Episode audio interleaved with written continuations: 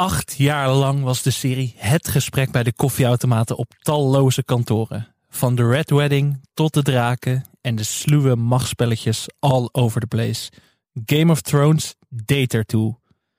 En toen kwam de finale, die de reputatie van de serie op ongekende wijze te grabbel gooide. Zelden kreeg een onvervalste serieklassieker zo'n zure nasmaak. Maar nu is het tijd voor de herkansing. Met een serie die zich zo'n 200 jaar voor Game of Thrones afspeelt. Kan House of the Dragon de oude hype in ere herstellen? Je hoort het in een nieuwe aflevering van Skip Intro.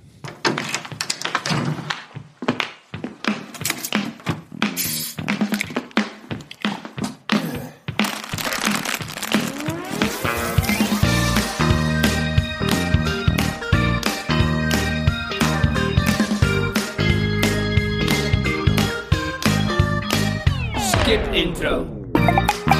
Welkom bij Skip Intro, de podcast waarin we je wekelijks door het grote aanbod op het kleine scherm heen loodsen. Wij bespreken de meest spraakmakende, indrukwekkende of hopeloze series op de streamingdiensten en vertellen je wat je wel of juist niet moet gaan kijken. Mijn naam is Alex Mazereeuw en ik zit hier met de vrouw waarvan ik zeker weet dat ze helemaal klaar is voor een nieuw gevecht om de troon. Het is Anke Meijer. Hoi. Hoe is Ja, het? Goed. Ja, Ben je er jou? klaar voor? Eh, voor, de, voor de troon of voor eh, Skip Intro? Nou, voor allebei eigenlijk ja, wel. hartst- helemaal. Ja. Ja, want voordat we het gaan hebben over, de, over die lang verwachte Game of Thrones prequel, moeten we misschien maar eerst aan de luisteraar vertellen wie wij zijn Ja, en ja. wat wij doen. Ehm, je zou het niet verwachten, maar wij hebben elkaar gevonden in onze extreme liefde voor series. En wij dachten, laten we daar ook maar gewoon ons beroep van maken. Ja. Om het nuttige met het aangename te verenigen. We schrijven allebei voor de VPRO-gids. Jij schrijft ook nog voor NRC en ik voor de Volkskrant. Maar dat zegt mensen misschien helemaal niks. Want ja, wat, wat zegt dat over ons als mensen, als seriekijkers? Dus dacht ik, ik heb een paar vragen meegenomen Oh. Die wij allebei gaan beantwoorden. En dan weet de luisteraar gelukkig. alles van ons. Echt alles. Moet ik Want als eerste zeker? Jij moet als eerste Oké. ehm, een opwarmetje. Met welk seriepersonage zou jij het liefst een avondje doorbrengen in de kroeg? Ja. Ehm, ja, nu moet ik natuurlijk iets heel cools zeggen. Ja. Eh, Maar, maar het kan ook heel interessant zijn natuurlijk. Dat je Ja. denkt, daar wil ik meer van weten. ja dat, ja, dat zou ik eigenlijk inderdaad moeten doen. Maar als ik heel eerlijk ben... Oh, ik kan niet helemaal kiezen, maar het- dan wordt het wel een priester. Ja, ja kijkt echt zo voelde van, oh nee. Ja, ja, ja. Nee, maar ik denk toch niet dat je het helemaal weet. Want ik twijfel tussen twee, Twee priesters? twee mannen van het geloof. Ja, Oké. natuurlijk de hot priest uit Fleabag. Maar ook de vicar uit Grandchester. En dat ken jij waarschijnlijk helemaal nee, niet. dat zegt me echt helemaal niks. Dat ja. is een Britse kostuum of een Brits kostuumdrama. Hmm. Eh, maar de, de man die daarin speelde, want dat doet hij immers eh, ondertussen al lang niet meer, is James Norton. En dat is, ja, als ik met hem in de kroeg mag zitten, dan, eh, dan wil ik zelfs een hele avond met een, met een vicar doorbrengen. Ja, absoluut. Met priesters naar de kroeg. Ja. Ook dat kan in Ja. Skip Intro. Ja, en in series, hè? Ja, ik, ik heb hier ook lang over na zitten denken. Want heel veel seriepersonages denk je toch ook van... ik wil ze een avondje in mijn leven. Maar ja, daar moet je dan ook wel Ja, veel tijd is- in je eentje mee doorbrengen. En hoe leuk is Tony Soprano, weet je wel? ja, ja, ik zat toch wel in de Sopranos hoek. Want Ja, ik denk, ik ook, dan hoor, wil maar- ik toch, dan zoek ik toch vermaak. En dan zou ik toch met Polly Walnuts Oh, aan ja. de bar willen gaan zitten. Oh ja, natuurlijk. Want dat is ook lekker. Je hoeft zelf Ja. niet veel te zeggen. Je kunt gewoon genieten van de act. En je kunt gewoon ja, de, de meester laten koken eigenlijk. ja, dus hij ik is laatst dacht, overleden, toch? Tony Sirico, die Ja. hem speelde, is laatst overleden. Dus het is een soort van uitgesteld eerbetoon. Ik van, snap het. ik had graag met hem een avondje willen doorbrengen. Oh ja, daar wil ik eigenlijk ook bij zitten. Ja, Dat mag. Dat, eh, dat, ja, waarom niet? In de Badabing. Ja, Ja. Oh, priester of Badabing. Ja, heel ja moeilijk. dit, we gaan alle kanten op in deze Ja. eerste aflevering. Stel, je wordt ooit door Elon Musk afgeschoten in een capsule naar Mars. Welke DVD-box zou jij dan meenemen als je er eentje mee mocht nemen? Ja. Ja, eh, Elon Musk, daar hoef ik niks mee te maken te hebben. Maar naar Mars wil ik best. Ehm, ik, eh, ja, ik, ik wist dat deze vraag ging komen en ik heb erover nagedacht. En ik, ik vind het heel moeilijk. Want je moet natuurlijk een serie hebben die, ehm, die veel seizoenen heeft. Veel Mhm. afleveringen.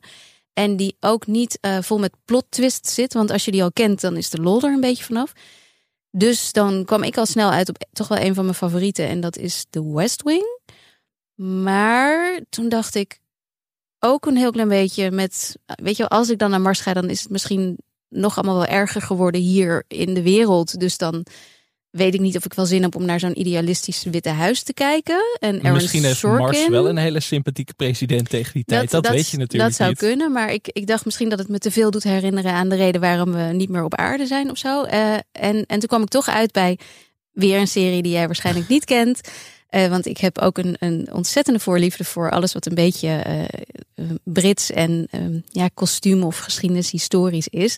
En dat is Call the Midwife. En dat is een BBC-serie die ook al inmiddels tien seizoenen loopt. eh, over een stelletje vroedvrouwen in de jaren 50, 60 in de armste wijken van Londen. Ehm, die daar dus allemaal kinderen ter wereld brengen. Samen met, een, met een, een aantal nonnen. En het is dus vreselijk braaf aan de ene kant. En aan de andere kant gruwelijk. Want bevallingen zijn niet echt eh, eh, heel prettig. En zeker in die tijd niet natuurlijk. Dus het is ook een beetje de geschiedenis van de van het bevallen en van de medische ontdekkingen en dat soort dingen. En, en, en het is gewoon best wel, ja. Ik, ik heb altijd het idee dat ik het hele fijne televisie vind. En dan ben ik aan het kijken en dan denk ik, oh, oh ja, het is ook echt heel heftig eigenlijk. Maar Dus het is ook niet alleen maar soapy dat je denkt, dit is echt gewoon lekker Nee, eh, de McDonald's nee. zonder een serie. Dat is het niet. Nee, nee, nee, Hmm. nee, dat is het ook weer niet. Maar het is wel, ehm, ja, het heeft wel hele brave, een beetje heel zoetsappige elementen erin. Eh, waarvan ik dan altijd weer denk, oh ja, wat erg, maar toch wel fijn. Maar ja, dat, dat moet je volgens mij hebben. Je moet iets hebben waarvan je denkt, ik kan het iedere avond opzetten. Ja. En Ja, ik zou toch ook wel voor die comfort food gaan, denk ik. Dat Ja. ik denk, je kunt hele zware series meenemen. Een Twin Peaks of een The Sopranos of een Mhm. Better Call Saul. Maar ik ga dan toch voor een comedy, denk ik. Oh, toch? En ehm, er zijn gewoon een paar comedy klassiekers die ik gewoon elke paar maanden weer kan herkijken. En dan hoef je niet eens altijd op te letten, maar...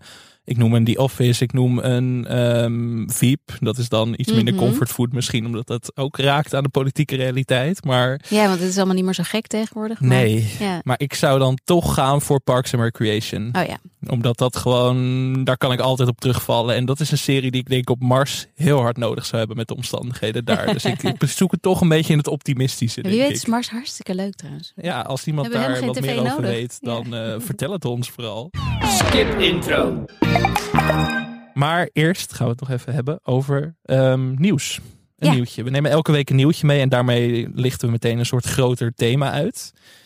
En er was wat gedoe de afgelopen weken. Ja, ja het, er was, eh het is nu twee weken geleden, was er opeens heel veel onrust in, eh, in, ja, in, in serieland, eh, in medialand. Omdat HBO Max opeens, de, de, Warner Bros. Discovery, het bedrijf wat onder andere dus HBO Max heeft, die, eh, die zouden een, ja, een earnings call. Het was eigenlijk stelt het allemaal niks voor, maar ja, er gingen allerlei geruchten rond dat ze misschien wel ehm, HBO Max zouden gaan opdoeken. Want ze hadden natuurlijk Bad Girl, die film die dan helemaal niet meer uitgebracht zou worden. En er waren andere titels die opeens verdwenen waren. En toen opeens gingen mensen roepen: het is, het is foute boel. HBO Max gaat eraan. Hele series die ineens offline werden gehaald. En ik, ik zat al te denken van, oh, ik ben blij dat ik best wel veel dvd's Ja, nog heb staan ja, thuis. ja, Of ja. voor je het weet is het ineens verdwenen. En dan Ja. moet je of de illegaliteit in, of je moet nu eh, ging dit wel over titels als eh, Camping van eh Lena Dunham, die niemand ooit gezien Nee. heeft. En Vinyl, wat op zich eh, ehm, ja, nog wel. Oké, maar dat heeft maar één seizoen gehad. Dus, maar dat was van Martin Scorsese, moet je nagaan. Wel buitenbeentjes, maar het is toch wel gek dat een streamingdienst Dat gewoon eigen producties verdwijnt. ineens offline Helemaal. gooit. Ja, niks is veilig eh, in, nee, deze, in deze maar tijden. ook HBO Max, wat nu gewoon kwalitatief, denk ik, de beste streamingdienst is. Ja. Ehm, en sinds kort ook eindelijk in Nederland. We hebben er heel lang op moeten wachten. Ja, ik en zag mijn leek geest het- al dwalen. Ik denk, ja, dan is het straks weer weg. En dan, dan moeten we weer Wat, bij waar de komt het dan weer terecht? terecht. Ja. Precies. En hoe kunnen we dan die HBO-shows zien? Want, dat, eh, want daar ging het toch wel een beetje op. Het was van als, als HBO Max dan verdwijnt, wat gebeurt er dan met de Max Originals? Want je hebt natuurlijk die HBO-series, die, ehm, die waren wel redelijk veilig. Daar was niks mee aan de hand. Maar die Originals, en dat zijn dan series als, als Hacks en Julia, om er maar een paar te noemen. Er zijn er nog wel, misschien dat jij nog een favoriet hebt. Nou ja, Hex is voor mij wel Ja, het grootste Hex. favoriet. Ja. Nou ja, dat, dat zijn hartstikke leuke nieuwe titels. Die allemaal, eh, of Flight Attendant was er ook een. Die wat minder HBO highbrow zijn. eh, maar wel kwalitatief onwijs goed. En Ja. ook wel echt die HBO-stempel verdienen. En het leek er dus op dat dat dan, dat dat, dat stukje HBO eh, zou gaan verdwijnen. Terwijl we het pas net hebben. En uiteindelijk viel dat gelukkig wel mee, vooralsnog. Wat wel gaat gebeuren is dat HBO Max gaat verdwijnen zoals die nu is. Want het wordt samengevoegd met Discovery Plus. Maar wat- ik heb met Discovery meteen het idee dat ik dan allemaal natuurdocumentaires en Ja, oorlogs eh, Shark zitten, Shark- ja, Shark- dat soort dingen gaan zitten Ja. kijken. En hoe past de Sopranos of The Wire daar dan nog in? Ja, dat, dat is dus de grote vraag. En ze gaan de twee in ieder geval samenvoegen vanaf volgend jaar in Amerika en het jaar daarna bij ons in Europa. Ja, Hoe het gaat heten weten ze nog niet. Of er HBO in de titel komt weten ze ook nog niet. Maar wat ik wel heel erg zorgwekkend vond, ik weet niet of je dat voorbij hebt zien komen, maar ze hadden zo'n zo'n soort van plaatje gemaakt waarin ze dan eh, aangaven wat zij dan vonden van HBO en wat ze vonden van Discovery. En HBO was dan voor mannen en dat was Lean In TV Ja. en, en, en eh, wat was het? Ehm, appointment viewing noemden ze het. En dan was Discovery was voor vrouwen en dat was Lean Back en Comfort Viewing. Dat alsof was dus ze het in de jaren 50 bedacht hadden. Zo klinkt het een beetje. ik was echt zo. Ik heb al die. Ik kijk nul reality series. Nul. Dat heb ik echt bijna nog nooit gedaan. En dat vind ik ook maar helemaal straks niet mag leuk. jij dus niet meer naar House of the Dragon kijken. Dat Blijkbaar. weet je. Nee, Blijkbaar is niet voor mij. eh, alleen reality tv ja, voor jou, ik Anke. moet naar eh, een van die housewife Ja. dingen gaan kijken. En dat, eh, Maar dat is wel vrij gênant, toch? Dat Ja, ze dat zo... Nou, maar dat, kijk, weet je, dat, ze ze kunnen ons natuurlijk niet vertellen wie wat kijkt. Dat slaat natuurlijk helemaal nergens op. Maar het feit dat ze dat denken, Ja, vond ik wel een beetje, ja, zo van wat. ze- Maar gelukkig, Casey Bloys, dat is degene die, ehm, die de baas van HBO eigenlijk. Ja, die echt gaat over wat er aan content gemaakt wordt. Die zit nog op zijn plek. Die blijft ook op zijn plek. Er zijn wel wat mensen ontslagen, maar die meer bij de, bij de reality. eh, dus de non-scripted kant. Wat dan ook weer komt omdat Discovery daar al genoeg van heeft. Dus ik, ik- ja, ik hoop een beetje dat aangezien hij. Ze zijn echt wel heel blij met hem. En volgens mij weten ze ook wel dat hij. En in ieder geval dat HBO content wel echt heel bijzonder is. Dus ik, ik, ik hoop maar dat het een beetje blijft. Maar En toch zie ik ook wel, hier, dit is wel een soort teken, want mensen klagen al jaren dat er veel te veel streamingdiensten zijn. Ik Ja. bedoel, in Nederland heb je er zo al zeven, acht waar je terecht kunt voor heel veel content. ja, In Amerika is dat nog veel erger. Ja.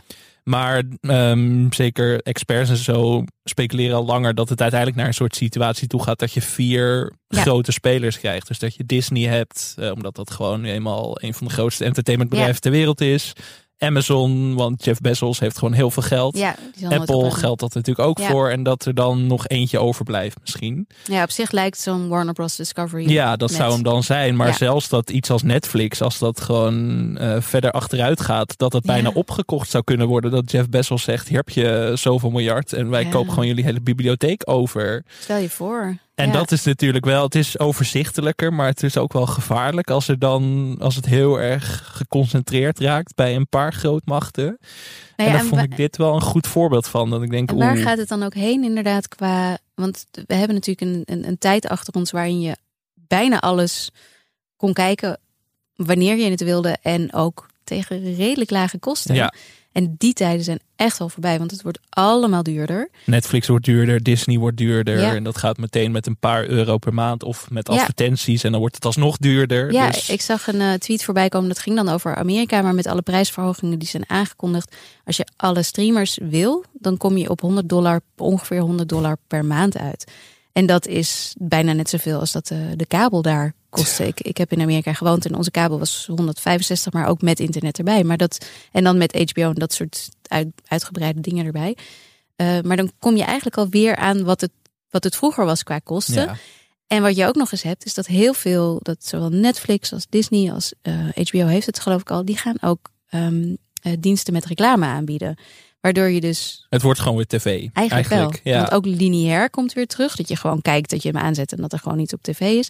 Dus het, het ja. Is het einde van een streaming tijdperk aangebroken eh, in Nou, in aflevering ieder 1 geval- van Skip Intro? Ja, kunnen we alweer stoppen. Kunnen we hem Het was gezellig. nou, nee, maar wat het wel is, wat wel echt een beetje aan het einde komt, is, is eh, ja, dat het allemaal zo betaalbaar is als het was. Want het is gewoon niet vol te houden. Al die streamers, die maken ongelooflijk veel verlies op dit moment. Dus dan, ja, dat, dat, dat is niet vol te houden. En dat daar, En wij hebben ze ook bijna allemaal, denk ik. En hebben wij Ja. de luxe dat het voor werk is. Dus dat we het misschien af en toe nog... eh, nou, ik kan een beetje afschrijven bij de belasting. Ja, dat is het ongeveer. dat, maar het nog het zijn er heel veel. Ja. En dan heb je alsnog keuzestress, omdat het gewoon zoveel is. Ja, ja, maar daarom zijn wij er wel, zodat je in ieder geval. eh, welke welke we zou het- jij de deur uit doen als je nu. eh, moest kiezen? Ik denk dan toch Netflix, gek genoeg. Mm. Netflix had natuurlijk wel Better Call Saul, maar dat was geen Netflix original. Dat werd Nee. alleen hier uitgebracht op Netflix. En ze hebben natuurlijk nog wel spraakmakende titels als een Stranger Things Ja. of een The Crown. Ja, Maar verder, ja dat is dan dat, wat het dan wordt, is dat je gewoon stopt. ja, En als Stranger Things een nieuw seizoen uit, uitkomt, dan neem je even een abonnementje. ja, En dan doen ze het nu wel zo dat het dus in twee delen wordt uitgebracht. Of misschien straks dat het, omdat ze dit willen tegengaan, dat je niet even een week een abonnement neemt. nee. Dus eh, Ik denk, ja, wat zou het voor jou zijn? ja, Netflix of Prime. Ja, Amazon de- Prime is ook wel. eh, die die, vind hebben nog ik- steeds niet echt Nee. een klassieker gemaakt. Nee. En dat heeft Netflix natuurlijk wel. Die hebben wel een paar titels waarvan ik denk, die zou ik zo Ja. weer willen terugzien. Precies, The Crown is ook wel zo'n serie die van mij, als ze nog meer seizoenen maken, dan kan ik die wel meenemen naar Mars. Dat vind ik best een hele fijne eh, serie. Dus ja, die, ja, maar ik kan hem ook wel weer missen. Ah, ja, nee, ik, het is in ieder geval, ik, eh, eh, Apple, HBO, die kan ik echt niet missen. Mis ik er nou één? Disney. Disney, Disney vanwege Star. Maar Ja. niet vanwege de Disney-titels. Daar ben ik nog niet zo van onder de indruk. Maar Star met alle Hulu-titels en FX-titels, die, eh, die vind ik wel heel belangrijk worden in mijn leven. Wat we wel gaan houden is HBO Max. Ja, en daar verschijnt het- heel mag, toevallig Ja. maandag de eerste aflevering van een serie genaamd House of the Dragon. Mm. I am to inherit the Iron Throne. She will block my way. Our hearts remain as one. Oh, our hearts were never one. Have you never imagined yourself on the Iron Je hoort het al, we zijn weer terug Ja. in het Game of Thrones universum. Westeros, here we are. Eerste reactie Anke, hoe voel je je erbij bij de terugkeer naar het Game of Thrones universum? Ehm, ja. ja, ik vind het wel leuk. Ik vertrouwd. Keek je ernaar uit de afgelopen maanden? Dat je echt een Nee. soort eikpunt had van, oh Nee. dan is Game of Thrones weer terug in een net iets andere vorm. Nee. Nee, helemaal niet. Nee, sorry. Ja, behalve dat ik, dat ik allerlei dingen voor werk ervoor ging doen. Dus daar had ik wel heel veel zin in. En natuurlijk toen ik hem kreeg, voelde ik wel toen ik de eerste sc- screener, de eerste aflevering in mijn inbox zag verschijnen. Toen dacht ik wel, oeh, even snel kijken. Maar Het is wel een beetje dat gevoel wat je vroeger had eh, als school weer begon of zo. Misschien een soort spanning dat je denkt, ook toch wel weer zin in. Misschien dat dat het een beetje was. Een soort Eh, van, op het moment dat je de aflevering Ja, toen ik hem startte. zag, vond ik het wel. Toen, ja, en, en eh, we mogen eigenlijk nog heel weinig verklappen. Ja, een paar dingetjes, maar we gaan niet spoilen. Dus nee, maar je hoeft we, hem we niet uit te mogen het sowieso niet spoilen. Dat, gaan we, dat doen wij ook niet. tenzij we, we het doen. echt van tevoren aangeven. Maar ehm, we mogen niet te veel verklappen, omdat er een heel strikt embargo op zit. Pas op vrijdagochtend, eh, eh, onze tijd, eh, mogen de recensies naar buiten gebracht worden. Dus wij mogen nog niet echt zeggen.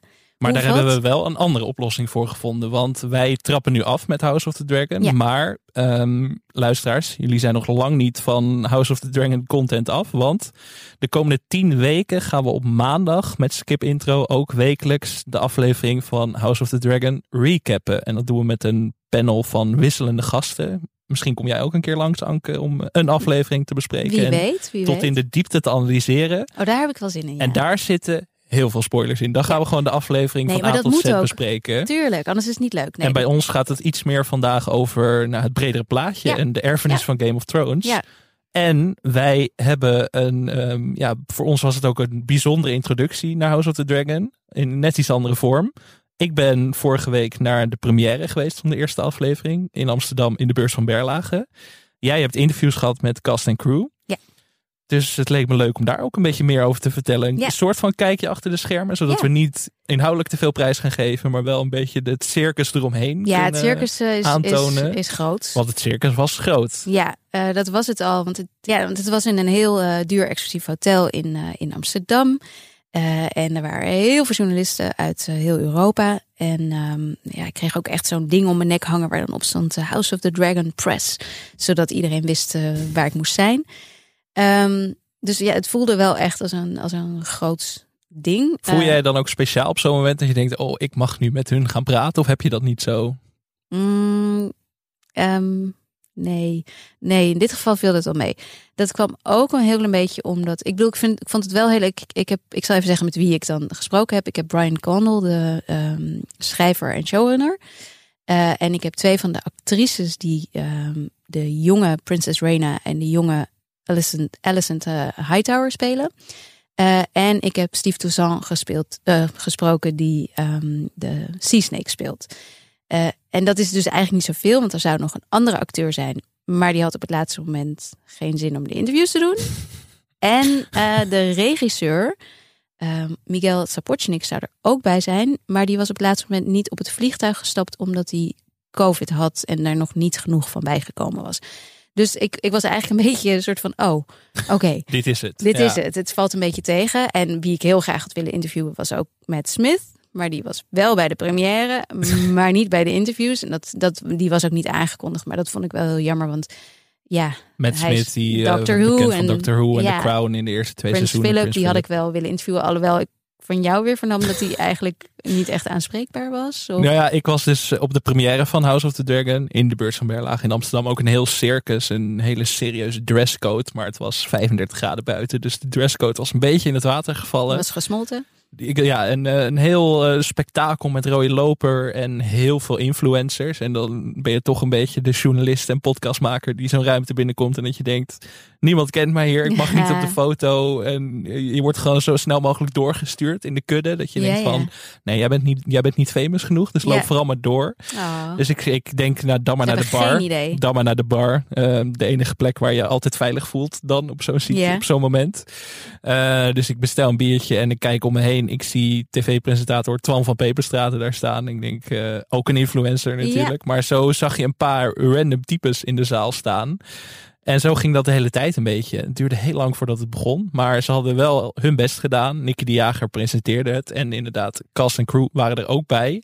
Waaronder Matt Smith. En ik had het idee dat Matt Smith het allemaal wel prima vond. Die stond er echt eh, lekker te vibe op het podium. Lekker relaxed. En ik denk, misschien is hij naar een koffieshop geweest in de Ja, tussentijd. ja. Ik wil niks insinueren. Niet dat ik Matt Smith's advocaat achter me aankrijg volgende week. Dat Oh wil ja, ook oh ja. niet. Maar ja, ik denk dat hij wel absoluut skip intro luistert. dat denk dus ik ook. Ja, zeker. Dat gaat wereldwijd. Ehm, maar het was wel heel leuk om gewoon de eerste aflevering echt op een groot scherm te kunnen Snap zien. ik. En in een grote zaal met heel veel fans. eh, Of in ieder geval mensen die het leuk vonden om in de zaal te zijn. Ik hoorde dus dat er wel een aantal mensen wegliepen bij een bepaalde scène. Klopt dat? Ja, we, we kunnen niet prijsgeven wat die scène precies is. Maar er was wel wat ongemak voelbaar in de zaal. Ik heb niet mensen zien weglopen. Maar ik zat Oh. ook een beetje in een hoekje. Dus Ja, ik, anders moest ik ik. achterom kijken. Maar ik kan het me wel voorstellen. Er zit één scène in de eerste aflevering waar die wel... Die ik wel echt prachtig vond. Die Ja. is heel mooi met, met weer. Met, het zijn eigenlijk twee scènes die door elkaar gemonteerd zijn. En, en eh, daar zat ik wel echt. Ik heb moeten huilen.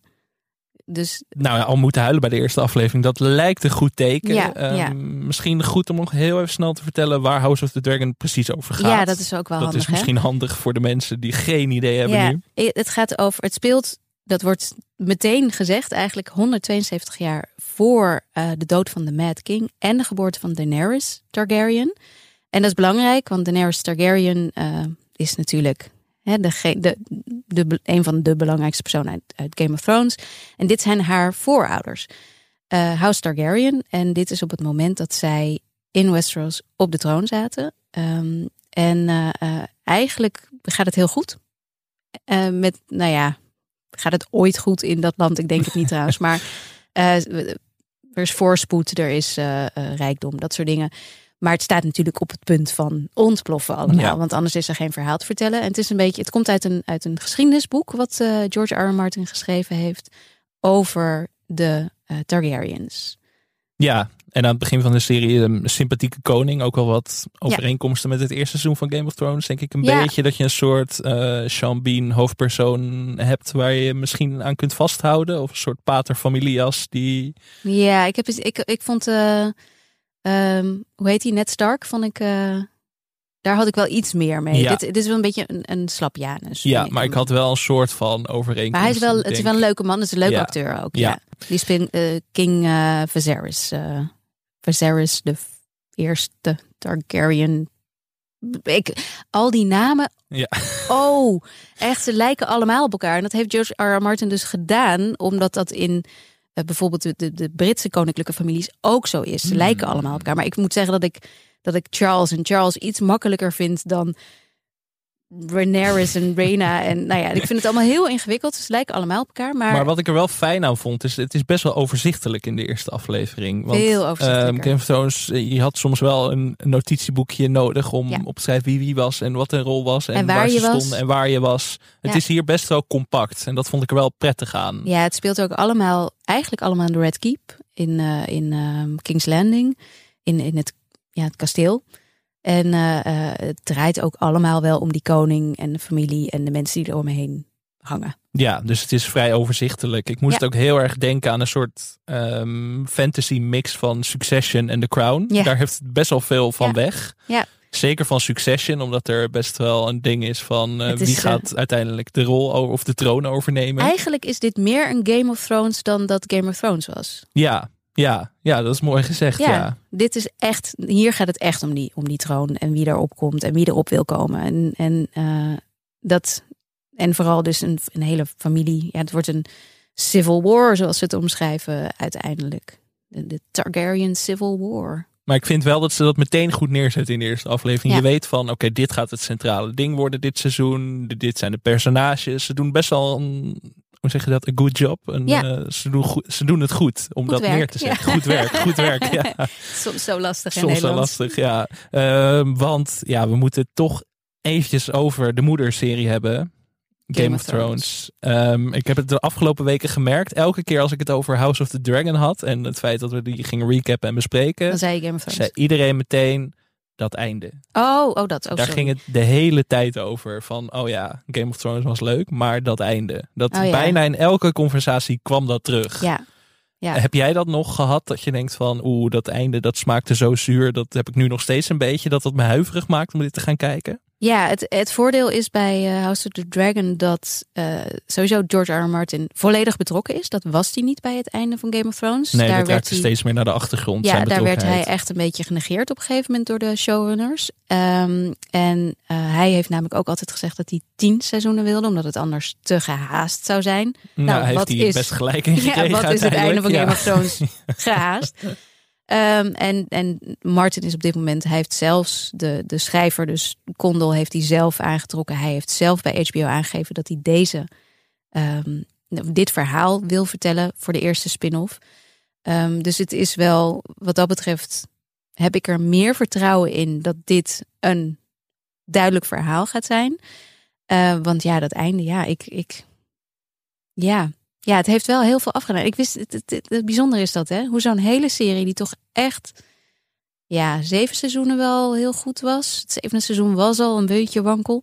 Maar met, acht, met seizoen acht gewoon. Ja, maar het is wel grappig hoe dat werkt. Zeker bij serieklassiekers. Je hebt het ook bij Dexter bijvoorbeeld. Ja, Dat oh was ja. ook. ze- Oh. Dat ging, maar dat ging echt meerdere seizoenen al bergafwaarts. Dit heb ik ook niet meer tot het einde gekeken. Nee, dat is aan. misschien ook maar beter. Ja. Maar ook bij Lost bijvoorbeeld. Ook al zal ik het einde van Lost tot mijn dood Dat blijven vind ik anders. Ja, dat vind ik ook Maar anders. dat is toch wat mensen dan zeggen. En dat blijft er dan aankleven. Ja. Dus je kunt nog, zeg maar, al heb je 93 van de 94 afleveringen eigenlijk heel goed gedaan. En de laatste is slecht. Dan kun je de hele reputatie van de serie Ja. niet doen eigenlijk. En dat, Ja.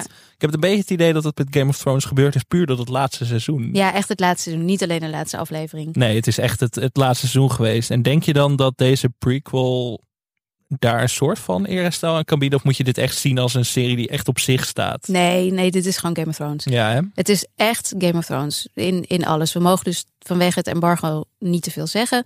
Ehm, wat ik wel mag zeggen, heb ik even gecheckt, is dat eh, eh, de muziek van Game of Thrones, dus da, da, da, da, da, da, dat dat weer ehm, alom aanwezig is in deze serie. En dat geeft, vind ik ook wel aan, in hoeverre ze geen hele andere nieuwe serie wilden maken, maar gewoon de fans weer willen geven wat de fans zo leuk vonden aan het origineel. En dat is Game of Thrones, zoals het ook in het begin was. En dat, die, dat gevoel heb ik wel heel sterk. Dus mensen die heel erg teleurgesteld waren eh, over het einde, die kunnen hier wel weer het gevoel hebben dat ze teruggaan naar dat Game of Thrones wat ze, wat ze zo leuk vonden. De maker van de serie omschrijft de reputatie van de Thrones, of die vergelijkt de reputatie van Game of Thrones met die van de Beatles. Ja. Dat vond ik ook wel een Ja, opvallende. dat heb ik hem ook gevraagd. Toen En moest wat, hij om wat lachen. reageerde hij daarop? Hij moest lachen. Eh, zo van ja, ja, dat, en, ja dat, eh, dat, het is, als je dat moet opvolgen, dan moet je, dat is, dat is impossible, zei hij. Dat kan niet. Dus, eh, maar ja, hij heeft het toch gedaan. Dus ik heb gevraagd van hoe kan dat dan? Ehm, dat, eh, Ja, daar, heeft hij, daar geeft hij dan natuurlijk een, een, een enigszins generiek antwoord op zoals dat gaat. Maar uh, um, ik, ik denk wat ze vooral heel erg gedaan hebben, is het gewoon heel erg Thronesy maken. Heel erg George R. R. Martin.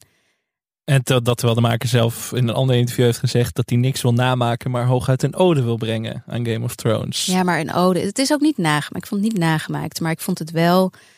Het, uh, ik weet niet hoe jij. Je hebt één aflevering gezien, toch? Ja. Ik heb nu twee afleveringen gezien. Ik vond het gewoon. Ik vind het wel echt heel erg alsof ik. Dit had een verhaallijn in Game of Thrones kunnen zijn. Ja.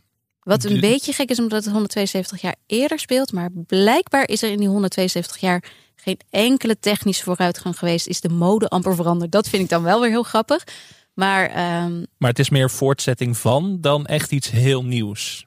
Tot op heden wel. Maar misschien verandert dat nog. Maar tot op heden eh, absoluut wel. Ik vind wel het thema is, voelt wat meer van nu. Want het heeft veel meer met, in plaats van dat, dat alle vrouwen min of meer eh, misbruikt worden links en rechts. eh, zijn ze, gaat het er nu veel meer om dat vrouwen die hele oorlog binnen het huis Targaryen ontstaat omdat min of meer omdat ze geen vrouw op de troon willen hebben.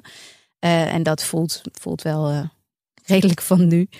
Ehm, maar verder vind ik het wel. Het is, het is, ze hebben heel veel kritiekpuntjes van Thrones hebben ze eh, gebruikt om het, om het iets te verbeteren. Maar dus ze dat kan hebben er ook wel wel naar geluisterd. ze hebben er heel erg, nee, maar ze hebben er heel erg naar geluisterd. Want wat, ze, Ah. wat HBO wil, ja, een heel universum of. of ehm, Want we sta, dit is dan de eerste spin-off, maar het is zeker meerdere. niet de laatste. Nee, zeker niet. En het is ook niet de eerste die ze gemaakt hebben.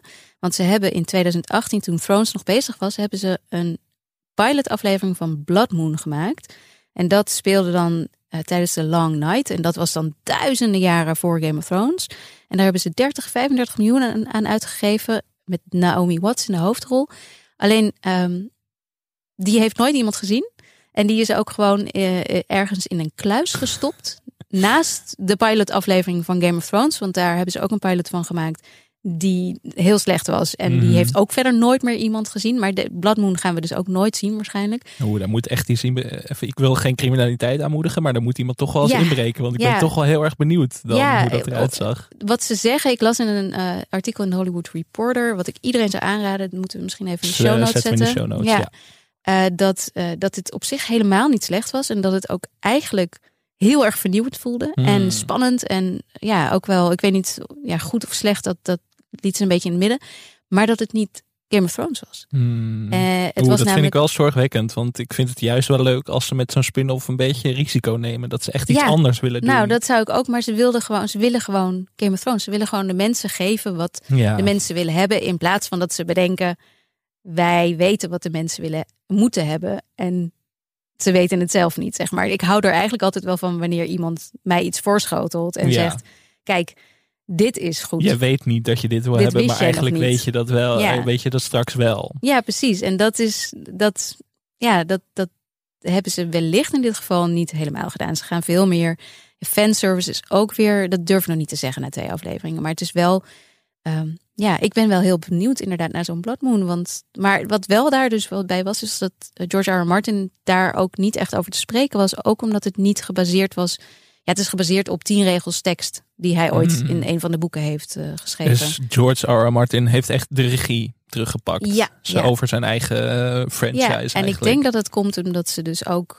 en bij die, deze pilotaflevering, maar ook omdat het laatste seizoen zo ontvangen werd. En toen dachten ze, hmm, misschien moeten we toch luisteren naar de man die het allemaal gecreëerd heeft. En dat vind ik wel leuk. Ik las dat HBO eerder zei, eh, rond het einde van Game of Thrones, eh, dat ze juist heel erg zeiden, ah joh, er zijn gewoon wat mensen op Twitter die kritiek hadden, daar moeten we niet te veel naar luisteren. Maar ik denk toch, Toch dat ze door de tand destijds dachten, hmm, misschien zat er toch al wat in die bergen kritiek die we op dat laatste seizoen hebben gekregen. Wij sluiten onze aflevering altijd af met de serie Hall of Fame. Daarin kijken we van waar past dit? Is dit echt eh, de top van de top, de Mount Rushmore van series? Ehm, voor House of the Dragon is dat nog te vroeg? Ja, te vroeg. Is dat nog te vroeg? Dus we kunnen nog niet zeggen van komt het in een hoekje, in een verdomhoekje te staan? Komt het centraal te staan in onze Hall of Fame? Dat kunnen we nog niet zeggen, maar we kunnen wel misschien Game of Thrones daar een soort van Ja. conclusie. Dat wordt dan ons eerste museumstuk, om het zo maar te zeggen. Ik vind het zo lastig. Ik Ja. heb zo genoten van Game of Thrones. Ik weet nog wel dat ik de eerste afleveringen aan het kijken was. En dat was nog in die tijd dat je het dan downloadde en zo. lang, lang geleden. En ik weet nog wel dat, dat want ik ging het kijken omdat mijn, mijn man, eh, vriend toen der tijd, het, het al had gekeken. En die zei, hier, ik moet werken, ga jij dit maar kijken. En toen ben ik het, was ik aan het kijken en toen dacht ik, dit is televisie zoals ik nog nooit televisie heb gezien. Wat, er gaan mensen dood, hoofdpersonen. Hoe kan dit? Wat Ja. gebeurt hier? Ik vond het zo cool. En dat, daarom moet die er wel in, toch? Het mag een prominente plek krijgen. Ja. Ik vind dat de, de, ja, dat einde is kut, maar ik vind, ik vind gewoon niet dat je het einde echt een hele serie kunt laten verpesten. Het- Natuurlijk speelt het een cruciale rol, maar Misschien kunnen we gewoon zeggen dat een paar seizoenen dan heel hoog staan. nou, misschien En- nemen we alleen seizoen 1 tot en met 7 mee dan en doen we Ja. gewoon alsof 8. eh, Weet je nog hoe dat was als het uitkwam? en dat je dan, oh man, toen wij, wij wonen op een gegeven moment in Amerika. En dan kon ik het gewoon kijken toen Ja. het op HBO heb kwam. je wel echt geluk, ja. Ja, dat was fantastisch. nee, dat maar was dit echt een gevoel, leuke ervaring. daarom moeten we het gewoon prominent als je binnenkomt. Ja, toch wel Thrones, hè? De grote rij, Breaking Bad, Mad Men, Game of Thrones toch in dat rijtje. Sopranos. Zonder dat laatste seizoen. Zonder dat laatste seizoen. Lijkt me een mooie conclusie. Dan was dit de eerste aflevering van Skip Intro, Anke. Dat hebben we keurig gedaan binnen de tijd, soort van. Voordat we gaan afsluiten, mochten mensen meer serietips willen, dan hebben wij wat voor ze. Of dan heb jij wat voor ze. Ja. Ik ga die credits niet claimen, maar ik ga het wel aankondigen, want jij maakt ook een nieuwsbrief over series. Ja, iedere twee weken. Ja, dat klopt. Het heet I Like to Watch. Ehm, en daarin ja, tip ik eh, de dingen die ik kijk. eh, ook de dingen die ik nu al heb besproken trouwens. Ehm, en, Maar eh, nog veel meer dan en dat, nog toch? veel meer. echt, eh, Ik, eh, heel volmaakt, heel compleet. Het is een best lange nieuwsbrief. Ja, ik, ik, zoals je wellicht gemerkt hebt, hou ik ervan om over series te praten. Dus dat doe ik eh, dus ook in mijn eh, nieuwsbrief. En die is gewoon gratis. Daar kun je je op abonneren. Substack. Ik denk dat we ook wel een linkje in de show Wij notes zetten een link in de show notes, zodat het heel makkelijk is voor mensen. Ja. Eén druk op de knop, of misschien twee, en dan zijn ze geabonneerd. En dan, Ja. Mocht je nog niet genoeg serietips hebben na deze aflevering, dan kun je terecht bij I Like to Watch. Ja. En mocht je nog meer over House of the Dragon willen horen, dan moet je dus maandagavond luisteren naar de recap afleveringen die ook in deze feed zullen verschijnen. Dan was dit skip intro. Laat vooral weten of je ook helemaal hyped bent over House of the Dragon. Of dat je vindt dat de nasmaak van het einde van Game of Thrones toch nog steeds iets te zuur is. En als je toch bezig bent, klik dan meteen even op de abonneerknop in je favoriete podcast app. En laat de rest van de wereld ook weten dat je naar ons luistert. Niet met Smit. Laat die er maar buiten, want straks krijg ik wel de rechters achter me aan of zijn advocaten. Ja. En dan zijn wij er volgende week donderdag weer, Anke. Ja, leuk. Zin in. Tot dan. Tot dan.